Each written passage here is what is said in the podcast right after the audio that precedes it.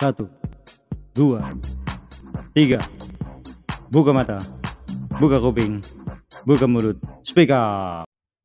Hai, kita ketemu lagi di Mutarong Talk. Baik, hari ini kita akan bahas masalah advokat independen. Bisakah advokat itu independen? Ya, menurut saya advokat itu dalam tanda kutip membela yang bayar. Apa pun perdata maupun pidana, mereka akan mengargumentasikan bahwa kliennya adalah benar. Kira-kira seperti itu. Nah, advokat itu bisa menjadi tidak independen karena tadi ada pembayar. Ya.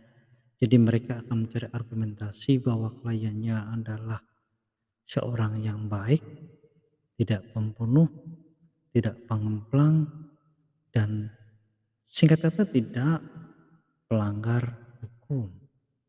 Dan itu pasti ya. Kalaupun eh, advokat itu mengargumentasikan dan hakimlah yang akan memutus. Hakimlah yang akan melihat argumen-argumen advokat itu menjadi benar atau tidak. Ya. Apakah berkeadilan atau tidak. Justru di sinilah antara advokat, polisi, jaksa, dan hakim yang harus independen siapa?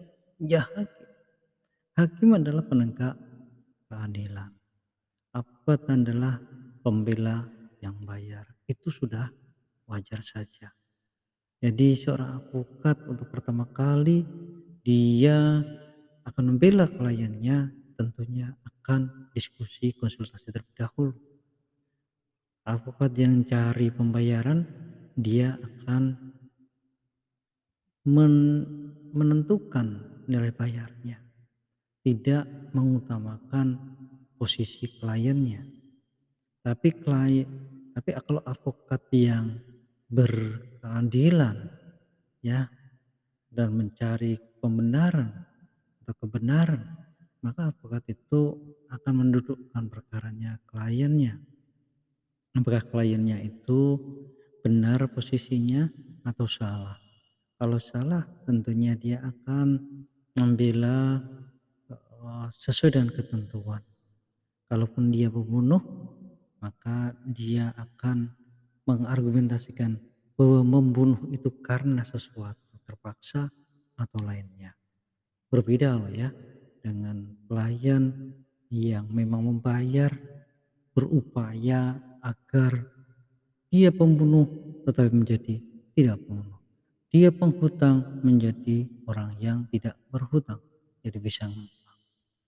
Ini yanglah yang harus menjadi perhatian kita semuanya di dunia uh, hukum, advokat, polisi, jaksa, hakim harus kembali ke hati nuraninya.